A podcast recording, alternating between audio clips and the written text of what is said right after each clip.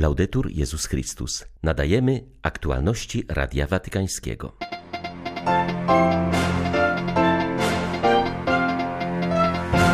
Wskazując na postać Salezjanina błogosławionego Artemiusza Zatiego, który jutro zostanie ogłoszony świętym, papież zwrócił uwagę, że bracia zakonni dają szczególne świadectwo bezinteresownej konsekracji w służbie ubogim. Odbywający się w Santiago de Compostela Światowy Kongres Duszpasterstwa Turystyki zachęca do odkrycia na nowo kultury pielgrzymowania do miejsc, w których Bóg pozostawił swoje ślady.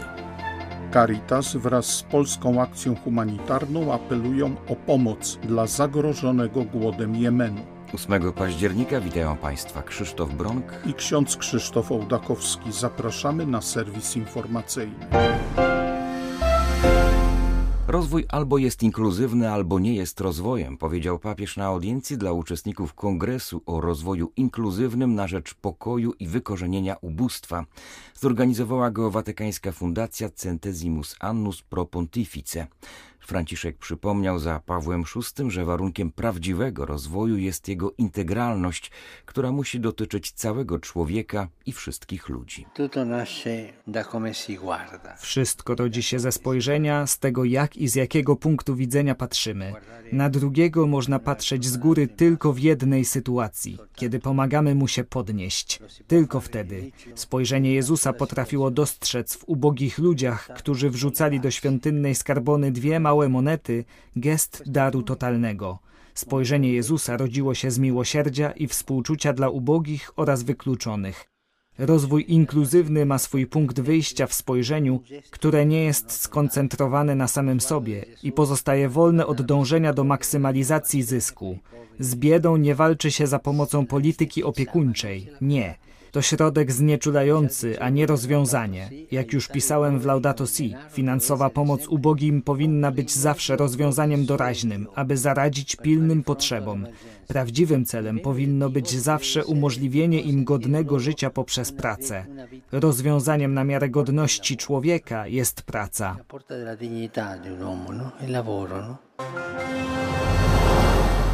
Salezjanie to wielcy edukatorzy serca, miłości, afektywności, życia społecznego, podkreślił Franciszek do odwiedzających go dziś pielgrzymów, którzy przybyli na kanonizację błogosławionego Artemiusza Zatiego, Pochodzą oni z różnych miejsc związanych z postacią nowego świętego, między innymi z jego rodzimej miejscowości Boretto we Włoszech czy z Argentyny, gdzie posługiwał. Papież wskazał na cztery elementy historii życia błogosławionego Artemiusza, którego kanonizację zaplanowano na jutro. Pierwszym punktem jest fakt bycia migrantem. Wraz z rodzicami przybył do Argentyny i szczęśliwie jego rodzina nie zatraciła w nowym środowisku wiary co tak często się niestety zdarza. Wspominając cudowne uzdrowienie z groźlicy, jakie młody Artemiusz uprosił za wstawiennictwem Matki Bożej, Franciszek podkreślił późniejsze oddanie błogosławionego chorym, zwłaszcza tym pozostawionym samym sobie, najbiedniejszym. Papież zaświadczył również, jak silne jest wstawiennictwo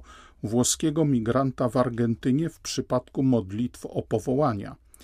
Franciszek wspomniał tutaj swoje osobiste doświadczenia z czasu własnej posługi jako prowincjała jezuitów. Ojciec Święty wskazał wreszcie na jego silną tożsamość salezjańskiego brata, zaznaczył jak cennym pozostaje ten szczególny rodzaj życia w każdym zakonie. Korzystając z okazji pragnę podkreślić wagę powołania braci. Widziałem to w towarzystwie Jezusowym i wiem, że to samo można powiedzieć o salezjanach. Bracia posiadają specjalny charyzmat, wzrastający dzięki modlitwie oraz pracy. Ich działanie jest dobre dla całego zgromadzenia zgromadzenia. To osoby pobożne, radosne, zaangażowane. Nie widać w nich kompleksu niższości. Nie. Są dojrzali, idą naprzód bez kompleksów z tego powodu, że nie są księżmi i nie starają się zostać diakonami. Nie, bracia nie chcą promocji. Są braćmi, ponieważ tam znajdują całe bogactwo. Pozostają świadomi własnego powołania i chcą, by było właśnie takie. Stąd Wam, drodzy bracia zakonni, dziękuję. Dziękuję obyście również wy mogli zawsze być wdzięczni za dar tego wezwania, dającego szczególne świadectwo konsekracji, proponując je równocześnie młodym jako formę ewangelicznego życia w służbie najmniejszym i ubogim.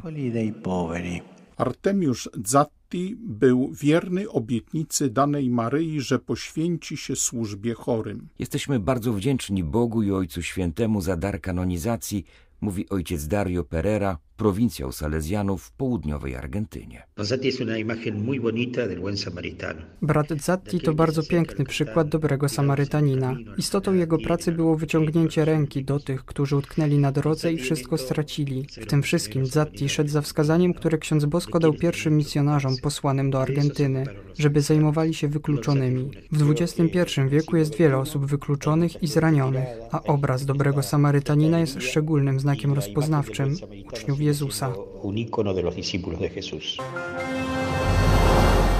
Papież niespodziewanie zadzwonił do księdza Maurizio Patriciello, proboszcza zmagającego się z mafią. Posługuje on w obszarze między Neapolem a Kazertą, gdzie Camorra zorganizowała na dużej przestrzeni wysypisko śmieci. Ojciec Święty zapewnił, że zna trudną sytuację panującą w regionie i modli się w tej intencji.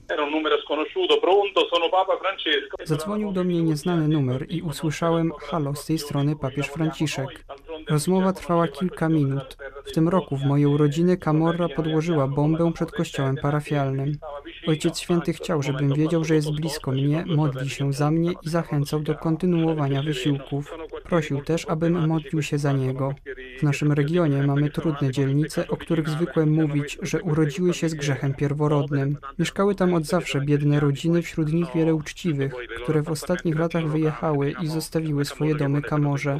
Jeśli państwo nie podejmie konkretnych działań, sytuacja będzie coraz gorsza. Armia Federacji Rosyjskiej usilnie dąży do zastraszenia Ukraińców, złamania ich morale i zniszczenia infrastruktury. Ostatniej doby między innymi wielokrotnie ostrzelano Zaporoże, wywołano kolejny pożar w pobliskiej elektrowni jądrowej oraz zrujnowano szpital w Charkowie. W sumie ucierpiało 20 miast i wiosek. Znów na Ukrainie spływa ludzka krew, zaznaczył w swoim codziennym orędziu arcybiskup Światosław Szewczuk. Hierarcha wskazał na kolejny element konieczny do posiadania cechy wytrwałości w tak trudnych warunkach jak wojenne. To dbałość o relacje międzyludzkie, zdolność do ufania innym oraz odpowiedzialność zachęcająca innych do szukania i znajdywania u nas pomocy. Bóg odnawia nasze siły poprzez tych ludzi, których stawia obok nas oraz poprzez głębokie, pełne zaufania relacje z nimi. I dlatego teraz, kiedy widzisz, ile osób odznacza się niesamowitą mądrością i wytrwałością, uczciwością i szczodrością, profesjonalnością i człowieczeństwem, rośnie poczucie wiary we własny naród. Słychać, jak głęboko rezonuje w każdej komórce owo narodzie mój Wasyla Symonenki. Niech Bóg pomoże nam odważnie ufać, a następnie być godnymi zaufania i dzielić się naszą siłą, a wówczas wytrwamy jako naród. Dzisiaj, jak co sobotę, zgodnie z tradycją naszego kościoła, modlimy się za zmarłych. Chciałbym wszystkich poprosić, aby szczególnie pomodlili się za ofiary tej wojny, za naszych żołnierzy, synów i córki Ukrainy, którzy oddali swoje życie za jej wolność. Dzisiaj widzimy, że każde nowe wyzwolone miasto pokazuje nam przerażające ślady tortur, znęcania się, morderstw dokonywanych przez rosyjskiego okupanta na ukraińskiej ziemi. W tych dniach świeżo uwolniony Łyman odsłania nowe ofiary. Odkryto znowu wielki masowy grób, gdzie znaleziono już trójkę małych dzieci. Pomódlmy się za tych, którym wróg odmówił godnego pochówku, nad którymi nie słyszano śpiewu cerkiewnych modlitw, nad którymi nie brzmiały cerkiewne dzwony. Nad kim nie dzwoniły cerkowne dzwony. Papieski Uniwersytet Gregoriański w Rzymie rozpoczął rok akademicki z nowym rektorem, ojcem Markiem Luisem. Jezuita zwrócił uwagę, że uczelnia ta ma szczególne znaczenie, ponieważ jest miejscem, gdzie spotykają się osoby z całego świata, aby wspólnie poznawać uniwersalny wymiar wspólnoty Kościoła oraz siebie nawzajem. Moim pierwszym priorytetem jest pomóc uniwersytetowi, aby szedł naprzód naprzód. Jeśli brakuje rozwoju, umieramy. Stąd ważne zadanie polega na tym, aby ciągle się odnawiać i znajdywać nowe sposoby nauczania, zachowując równocześnie wszystko co dobre, a także uświadamiając sobie, że mamy tutaj wiele dobrego. To jest priorytet jakości. Dalej priorytetem prawdopodobnie dla każdego rektora pozostaje zapewnienie, żeby kadra, wykładowcy, studenci, każdy miał zasoby, jakich potrzebuje, zarówno w kwestii personelu, znajdowania nauczycieli, jak i w sprawach materialnych. Budynki osiągają już wiek, w którym należy wykonać prace konserwacyjne, unowocześnić je. A trzeci priorytet, bardzo praktyczny, stanowi praca nad integracją Uniwersytetu Gregoriańskiego z Papieskim Instytutem Biblijnym oraz Papieskim Instytutem Wschodnim. Chodzi tu o konkretny proces, który wymaga czasu, a w jego trakcie chcemy zapewnić, aby każdy mógł pozostać wiernym swojej tożsamości i misji. To także kluczowy priorytet dla rektora. And I think that's also a key priority for a rector.